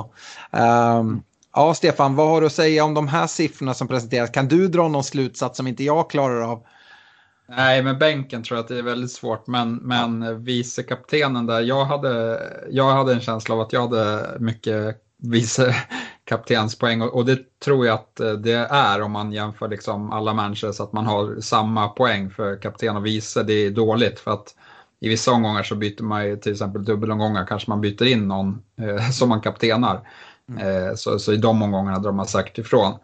Eh, men, men, din siffra där är helt galen. Ja, alltså det är ju, jag, jag, kan ju inte sätta kapten. Det Jag kan glädjas åt att jag inte fick en poäng på min triple captain den här säsongen. Jag satte den på Sterling i en double game week då han fick sju poäng. Så det var ingen monsterscore, men jämfört med att få en poäng eller sju så eh, jag, tar, jag tar sju poäng alla dagar i veckan. Uh, ja, det är... Det är ju galet. Eh, det är kul att kolla också. Skulle man bara satt en autokapten på, på Bruno han tog ju 244 poäng. Det hade varit 488 eh, poäng på, på kaptenen utan att ens tänka på det. Då eh, spelade väl inte han alla matcher eller? Nej, det gjorde han ju såklart inte. han hade ju en hel del blanks och sånt. Men då hade man ju nästan nått upp i de scorer som, som du och jag och poddlaget har. Men vi gjorde i alla fall någon nytta med att, att välja eh, kapten. Men det kanske Fredrik som ska få, vi ska lyssna mer på han när vi har kaptensdiskussionerna eh, för nästa säsong. Nästa säsong är en ny säsong och, och eh, eh, man kan inte leva på gamla meriter utan jag får passa på att njuta nu och sen så eh, är jag helt övertygad om att att eh, ni kommer vara jävligt sugna på att liksom visa vart skåpet ska stå nästa säsong ja, räkna inte med mina kaptener i alla fall. uh, men det kanske är en uh, idé det där du sa att bara switcha i sista sekund. Uh, testa det. yes, det får vara den analys vi gör på våra lag. vi har väl inte pratat så mycket om nästa säsong och sådär. Jag ja, vi får se om poddlaget kommer tillbaka eller om vi ska fokusera mer på våra privata lag och, sådär. Men eh, det återstår att se. Eh, vi återkommer med, med nästa säsong när det är dags för det. Men vi ska göra en kort framåtblick mot säsong 21-22. Och eh, är det några speciella spelare som någon av er kommer vara lite extra nyfikna på när de släpper priserna med förhoppning om att det kanske ska bli någon sänkning på, på dem som man tror väldigt mycket på. Om vi börjar med dig Stefan. Sänkning, det är nog mer höjningar på spelare man är intresserad av. Eh, mm. nej, men jag tycker vi har haft ett gäng eh, unga spelare som har visat framfötterna här i, liksom i Foden, i Greenwood, i Saka. Eh, jag missar säkert eh, en hel del spelare här, men, men det ska bli kul att följa. Liksom, man kan ju ändå anta att de ska ta ytterligare kliv i, i sin utveckling och kan det leda till, till ännu mer eh, liksom FBL-poäng är frågan och vad blir prissättningen på sådana här spelare som har varit lite ja, men, ut och in i, i lagen här. De kan liksom som en, en Foden och och Saka och Greenwood kanske etablerar sig helt och hållet nästa säsong eh, och, och spelar mer, eh, tänker jag. Ja, eh, du då eh, Fredrik, är det några spelare? Jag nämnde ju tidigare i podden här en Timo Werner som jag är intresserad av som kanske kan sjunka något i pris och som jag tror kan ha lite mer flyt med, med lite domslut och sådär. Mm. Nej men det alltså price revealsen som kommer där innan säsongen är ju en riktig höjdpunkt i, i uppbyggnadsfasen inför Game Week 1. Eh, så det är alltid, de, nu har de ju liksom insett också att, att de kan släppa ett par spelare i taget. Eh, mm. Vilket gör att det blir liksom lite, lite småkul att följa. Men jag, jag är nyfiken på det som du var inne på Alex med Aubameyang, vad kommer hända med priset där? Kommer han att sjunka mycket? Liksom går han ner under 10 kanske till och med? Eller, ja, det, där finns det eh, en point. Jag är spänd på att se en Bruno Fernandes. Kommer han vara dyrast i spelet nu? Alltså, mm. det, det, blir intressant att se. Eh, ja, det går väl inte att blunda för att den här finnen kommer tillbaka i Timo Pukki. Kommer han att liksom kommer man att underskatta honom prismässigt igen? Kommer han komma in på 6,0 liksom och, och, och, starta som han gjorde för, för ja, måste man ha från början. jag ska inte ha någon jävla finne i mitt lag var det någon som sa vet jag. Ja. Nej, men sen finns det ju de här riktiga liksom, flopparna så Kai Havertz, Nicolas Pepe. Eh, de är man ju spänd på att se vad kommer hända med deras prisbild. Eh, eh, som ändå har en hög... Ja, precis på slutet av sista matchen kanske. Men, men han har ju en hög högsta nivå i sig vet vi ju sedan tidigare men har ju varit en riktig flopp den här säsongen. Um, så att, skulle han hitta rätt uh, och de har liksom sänkt honom till ja, 6,5, 6 miljoner.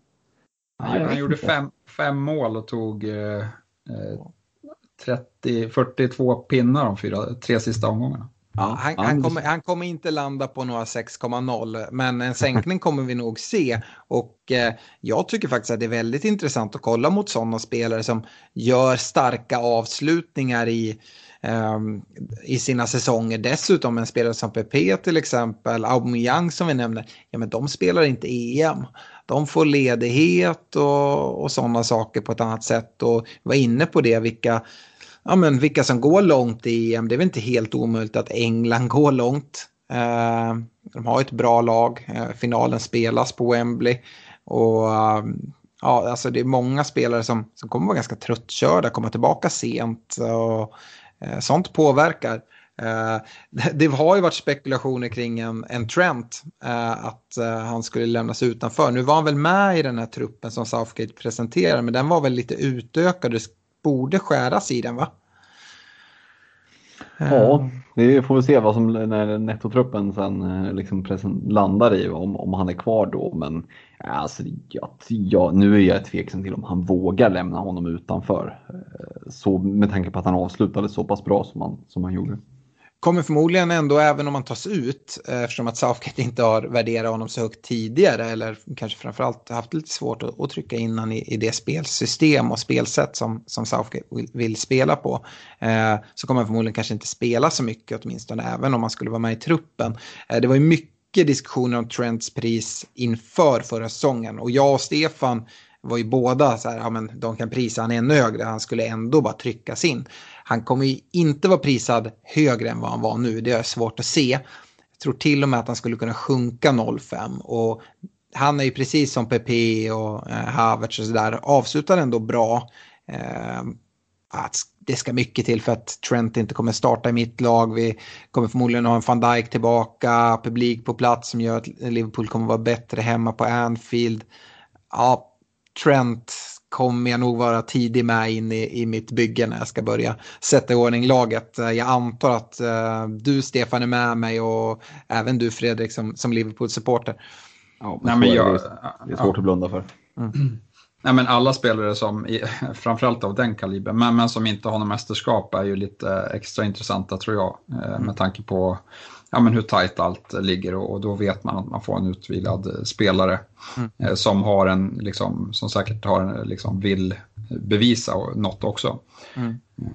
Jag, jag funderar på två spelare som ska bli intressant att se hur de prissätts nästa säsong. Den ena är ju Graylish som mm ja, men han hade kunnat kostat 9-10 miljoner eh, där när han var i form. Men, men jag har svårt att se att de drar upp han allt för mycket med, med tanke på hur länge han var borta på slutet. Och sen har vi Antonio eh, i West Ham som inte heller har tagit speciellt mycket poäng men, men har gjort det bra när han har spelat. Eh, som, som också blir högintressant att kolla på nästa säsong. Det är ju ett transferfönster som öppnar, vi får se. Graylish har ju spekulerats en del kring. Eh, det bästa fantasymässigt hade ju förmodligen varit om han är kvar i, i Villa där han har den här talismanrollen och, och spelar jämt. Skulle han komma till ett, säg City, vi pratade om den här bänken tidigare. Uh, ja, det, det blir klurigt liksom. Men uh, jag håller med. Uh, det är spelare som man är intresserad av. Jag är också väldigt intresserad av hur de kommer prisa Ianacho med den starka avslutningen. Vi såg ju en överväxling där att ja, men Vardy fick det tuffare uh, och Ianacho tog över liksom poängproduktionen mycket mot slutet. Och också en spelare som inte kommer spela EM. Uh, så ja ja. Frågan är liksom om, om, var du, om hans status i A-laget börjar, eh, kan, att han mm. kanske börjar agera inhoppare mer eller, eller mm. går någon annanstans kan ju tänka sig att Ianacho och Madison spelar i någon form av att Madison spelar släpande och då blir det ju ännu mer tydligt vem som ska göra målen. Precis, så Ianacho är en sån spelare som jag också följer. Eh, sen så det har vi redan pratat om, men hur de prisar i Leeds kommer bli intressant. Jag tror att ja, det, det kommer vara eh, liksom klurigt. Eh, Watkins ska vi nämna där också när du nämner Graylish och Antonio, eh, prissättning. Så, och sen Chelsea som sagt, jag, jag, tror att det kan vara intressant. Werner, Havertz, Reece James kastar in också. Mm. Nu missade de Champions League också, vilket, vilket jag tror att... Nej, Chelsea missar ingen Champions. Nej, just det, det var Leicester, sorry. De, de borde ha missat för att, för att de torskade sista matchen. uh, gjorde de. Sen har de ju dessutom chansen att, att, slå City på näsan här i Champions League-finalen. Yes. Uh, ja, jag har ju lite förhoppningar om att Arsenal kan börja säsongen bättre uh, än, än i fjol. Ja. Och, och liksom de, nu har vi inget Europaspel så att det kommer ju vara väldigt lite rotation om det går bra. Eh, då kommer det liksom de, de spelarna som som sånt fall är i bra form kommer ju spela hela tiden. Eh, mm. Så, så, jag tycker man ska hålla koll på Arsenal, även fast de liksom gör, gör en dålig säsong i år så avslutningen var helt okej. Okay. Eh, man kanske, eller som, liksom, man är såklart besviken, men, men så kollar man på poängplockandet så, så var det bra, målskillnaden var bra. Så att, nej, jag tycker man ska hålla koll trots den här besvikelsen den här säsongen. Ja, kan man få en skadefri Tierney till exempel, Pepe, Saka? Uh... Ja, dessutom så är det lite Artetas första försäsong. Den, den förra försäsongen när han var, det var ju knappt någon försäsong. Alltså det var extremt tajt. Så, så eh, nu får han lite mer tid, även om vissa eh, spelare drar iväg och spelar EM så, så får han ändå liksom ganska mycket mer tid att förbereda truppen på. Ja, vi kommer ju komma tillbaka innan nästa säsong drar igång och komma med poddar och snacka upp eh, eh, nya säsongen när priserna är släppta och vi kommer gå igenom mer kopplat till nykomlingarna. Vi vet ju redan nu att Norwich och eh, Watford kommer upp. Men eh, se om det är Swansea eller Ponnes Brentford som, som gör dem sällskap. Det är inte klart än. Så eh, nej, det, det blir intressant att, eh, att följa med det så tänkte jag jag lämnar över ordet till dig Fredrik för Fredriks hemliga punkt. Ja, eller hur? Visst är det bra. Ja. Då ska jag börja, börja med att be er att stänga ner eventuella fantasy-sidor som ni sitter med framför er nu med liksom fulländad statistik och så. För det här är precis som du anade Alex. Det är ju ett sånt där jobbigt quiz med fem frågor från säsongen. Sätta oss eh, på pottan alltså. Ja, självklart. Mm. Jag inledde ju min sejour i, i, i den här podden med det och tänker att den här säsongen får ju liksom knytas ihop då med ett litet fantasy-quiz som ni som lyssnar också kan vara med och testa er. Kommer ni ihåg mer än vad Alex och Stefan gör från säsongen? Eller? Det gör de säkert. ja, vi återstår att se. Det är fem frågor. Eh, på de tre första kan man få en poäng, sen kan man få två poäng på de två sista. Eh, och det är, eh, jag ska se, det är någon alternativsfråga men annars är det liksom hitta svaret. Mm. Och ni, jag eh, återkommer till vem som svarar först här i respektive fråga. Är ni med? Ja, kör. Riv av plåstret. Jag är med, jag är med. Ja. Eh, säsongens mest anonyma mittenlag, trettonde plats. Wolverhampton som vi bara liksom har blickat ifrån vilken spelare avslutade säsongen med högst TSB, alltså högst ägarandel i Wolverhampton? Och jag vill ha svar först från Alex. Spelare, ja, fan. Spelare som man såg i en del byggen, men ibland så blir man ju lurad av de här liksom Twitterlagen och så här.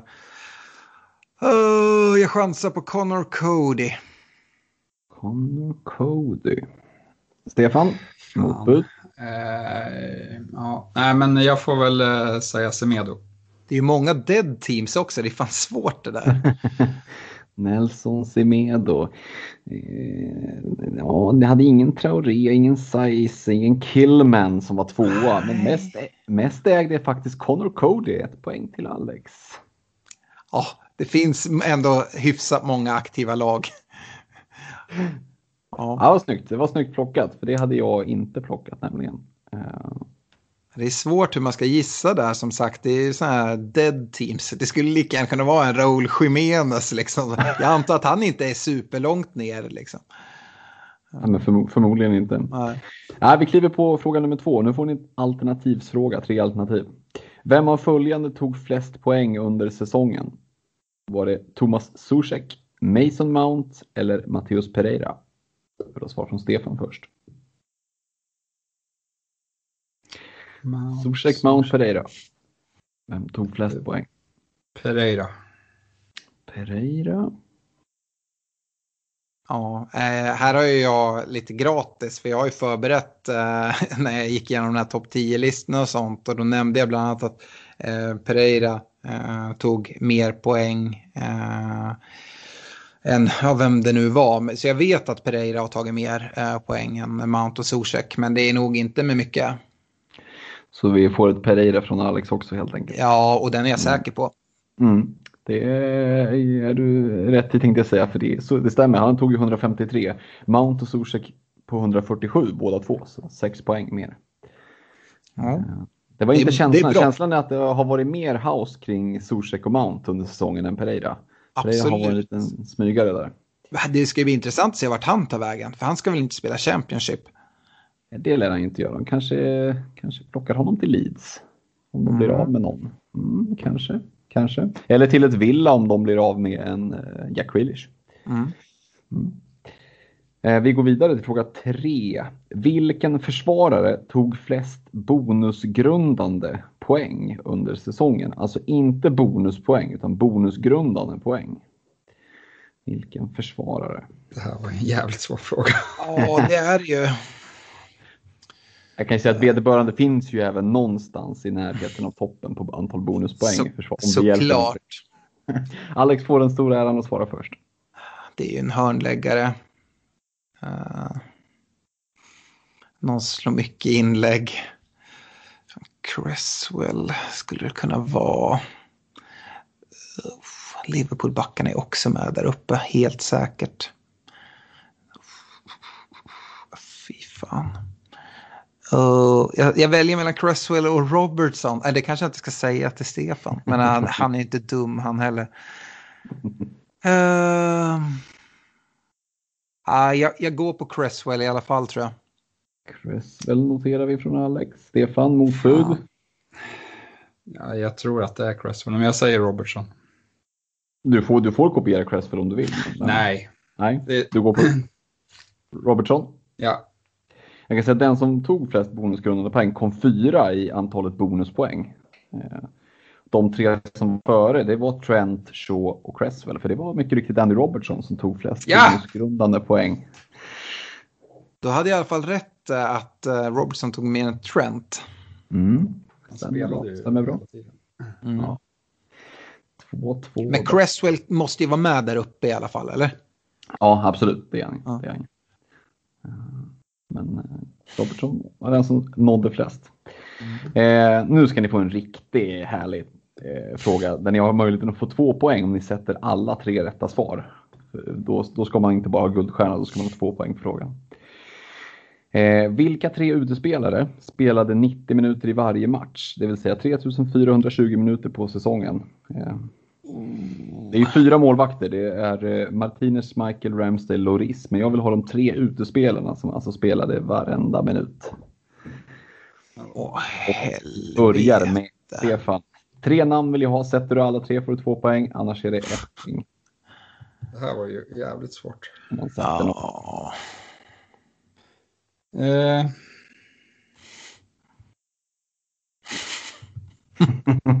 Samtliga minuter. Samtliga minuter, ja. Som sagt, det var ju bara tre... en gång. Nej, det var ju bara tre stycken utespelare. Fyra målvakter, så att det... Ja, eh, så får Alex höra det här. ja, jag kommer kopiera ditt svar. Eh, mitt tips, eh, Stefan, det, jag tror att det är City-gubbar de flesta faktiskt. Ja, bara City.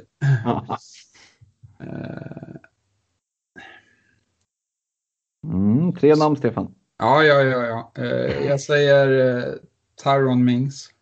Mings, yes. Eh, vad fan har vi mer då? Eh, det här var ju en extrem fråga. Eh, jag säger, nej det stämmer ju inte. Eh, det stämmer inte. Ja, det är så svårt. Tarkovsky. Mm. Eh, och eh, vad har vi mer då? Nej, han var ju borta.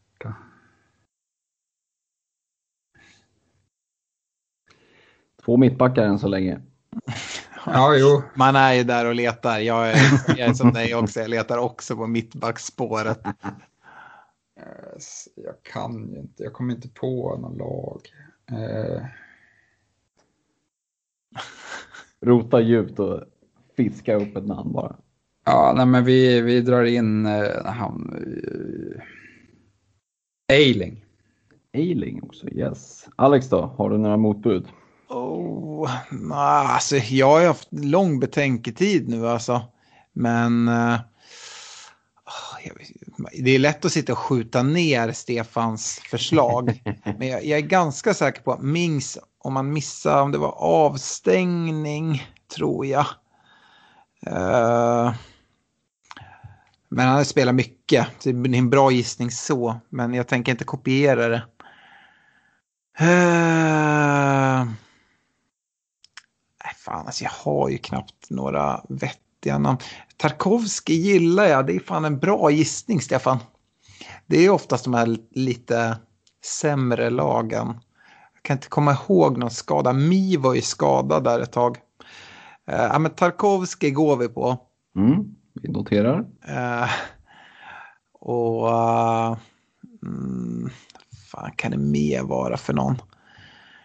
Uh, borde ju vara någon så här viktig mittfältskugg i något brödgäng. Eh, som spelar mycket. Det som är bra nu här med den här sköna... Liksom, Fan, det blir långt alltså. Ja, men det är, bra för, det är bra för våra lyssnare också. Då får de eh, lite tid att fundera här. Vilka tror de? Vilka tretor de? Kan de sitta på bussen eller i bilen och känna... "Ah, fan, Jag vad skickar verkar fan." in en Thielemans. Mm. Han, han borde ha spelat mycket. Uh, ja. Och sen då? Ja, vad fan. Uh, nej, fan, han var ju borta. Eh, uh, håller på att säga Declan Rice, han vet jag inte. Uh, spelade allt. Uh, nej, nu får jag ju bara komma med något här då. Uh, mm, mm, mm. Jag har, fan Maguire var ju så jävla fin att plocka och så går han och skadar sig och de lirar juniorlag och allting sånt. Men eh, kan vi få in, kan vi få in en Connor Cody? Det var en ganska bra gissning tycker jag. Det hade jag nog själv gissat på. Ja. Eh, jag inser att det här blev ju väldigt Har vi noll rätt eller? Ja, ni har faktiskt noll rätt. Ja. Eh, och jag kanske borde ha sagt att det var mittfältare alla tre. Får jag chansa på en som jag tror? Mm, absolut, jag kan ta en sen gissning utanför tävlan. James Ward-Prowse. Jajamän, han är en av Fan. de tre. Jag kom på han sen. James Ward-Prowse och det roliga är att de har, det är tre mittfältare. De har ganska lika roller. Eh, det är James Ward-Prowse, det är Pierre-Emil Höjbjerg och det är poddfavoriten Thomas Zuzek. Jaha. Zuzek. Fast Men just det, hans röda kort inte. blev ju här. Ja, det ströks! Ja, det ströks. Ja, fan, för jag var inne på Zuzek, bara, han tog ju rött där, det där jävla sjuka röda kortet. Ja, jag fan, FA de slutar ju aldrig att förvåna. Nej. Kvalificerade gissningar hade ju också varit Dallas Elite som var 10 minuter ifrån och Ashley Westwood i Burnley som var 10 minuter ifrån. Men det var ju skönt att få sätta lite på pottkanten så här nu. Där kommer jag ju få tillbaka big time, men det, det var det värt. Vi ska se. Jag, jag tror att ni kommer att vara närmre och det är säkerligen någon mer poäng på sista frågan här. Ehm, och då är det ju så härligt att det står lika inför den. Det är ju kanon. Den lyder Vem tog under säsongen flest? Och då kan man få två poäng därför att det finns två kategorier. Röda kort respektive gula kort.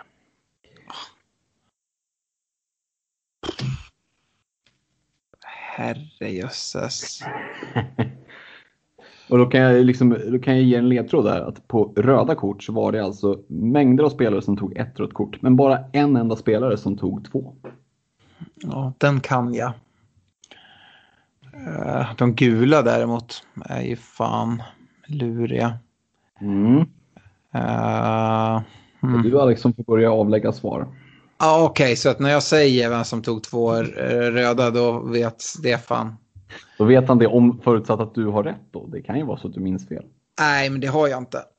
Eh, kan vi inte säga det samtidigt? Eh, Stefan kan ju kliva in som en gentleman och säga att jag gissar förväg här. Men... vet du vem det är, Stefan? Som har Nej, två det vet jag inte.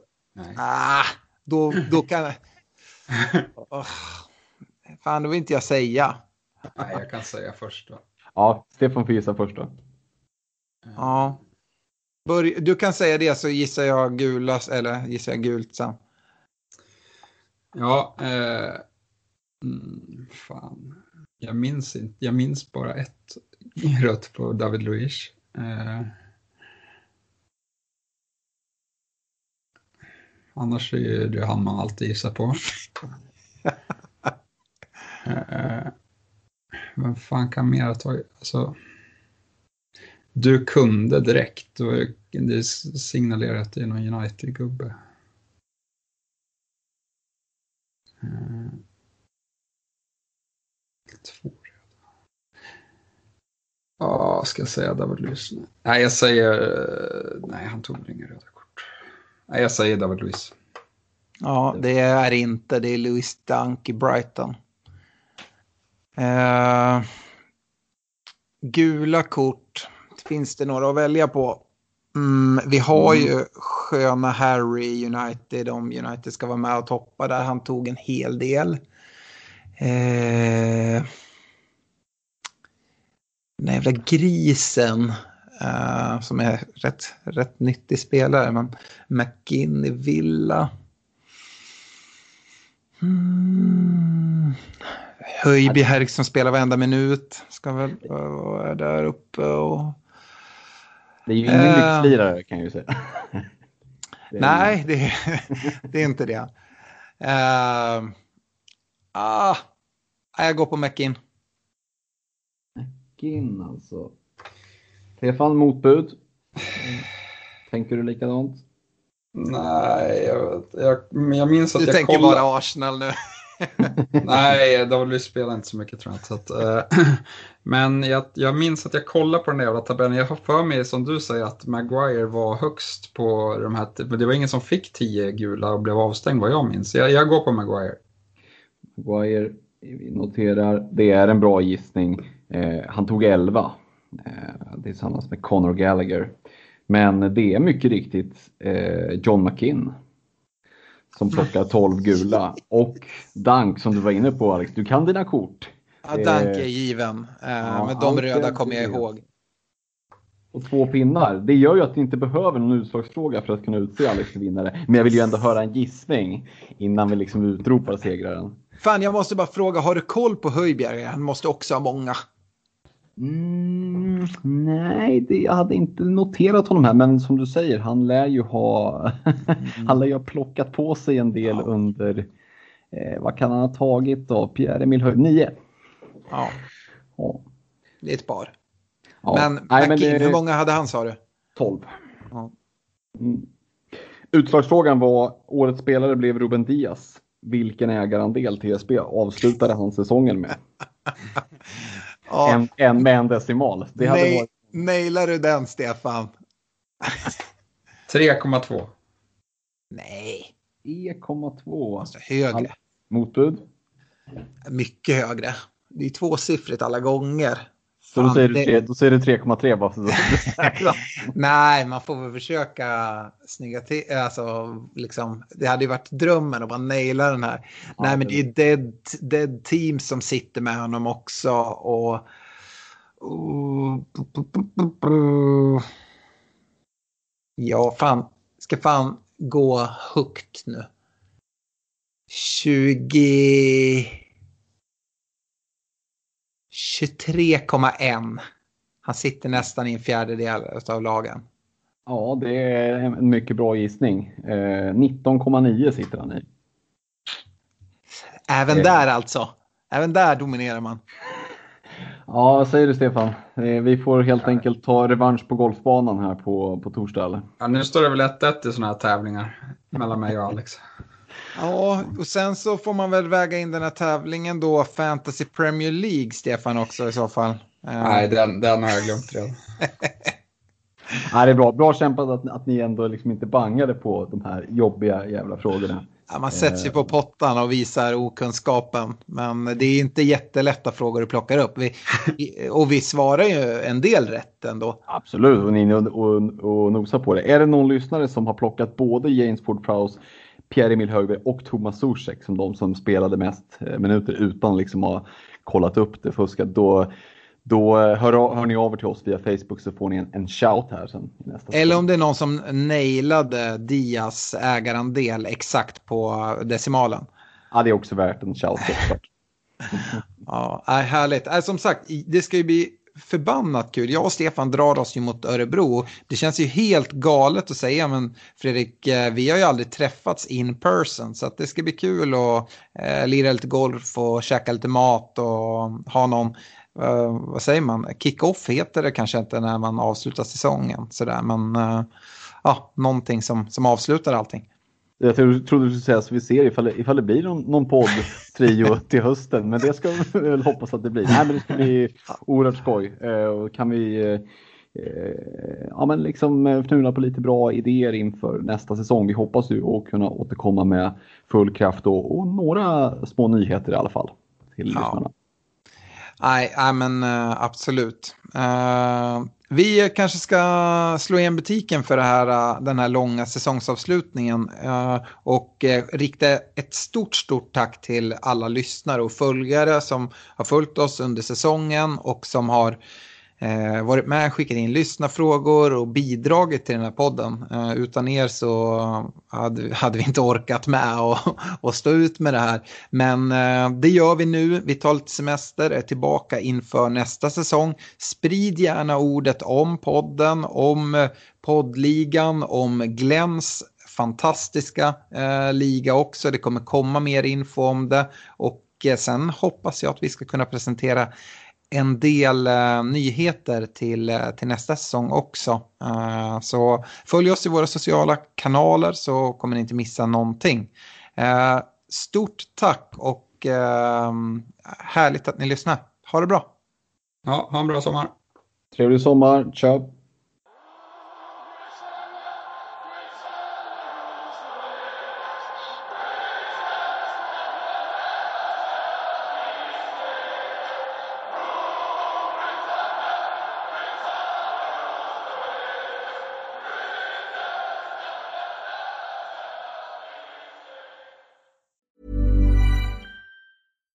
Deserves the best, and there's no better place to shop for Mother's Day than Whole Foods Market. They're your destination for unbeatable savings, from premium gifts to show-stopping flowers and irresistible desserts. Start by saving 33% with Prime on all body care and candles. Then get a 15-stem bunch of tulips for just $9.99 each with Prime. Round out Mom's menu with festive rosé, irresistible berry chantilly cake, and more special treats. Come celebrate Mother's Day at Whole Foods Market.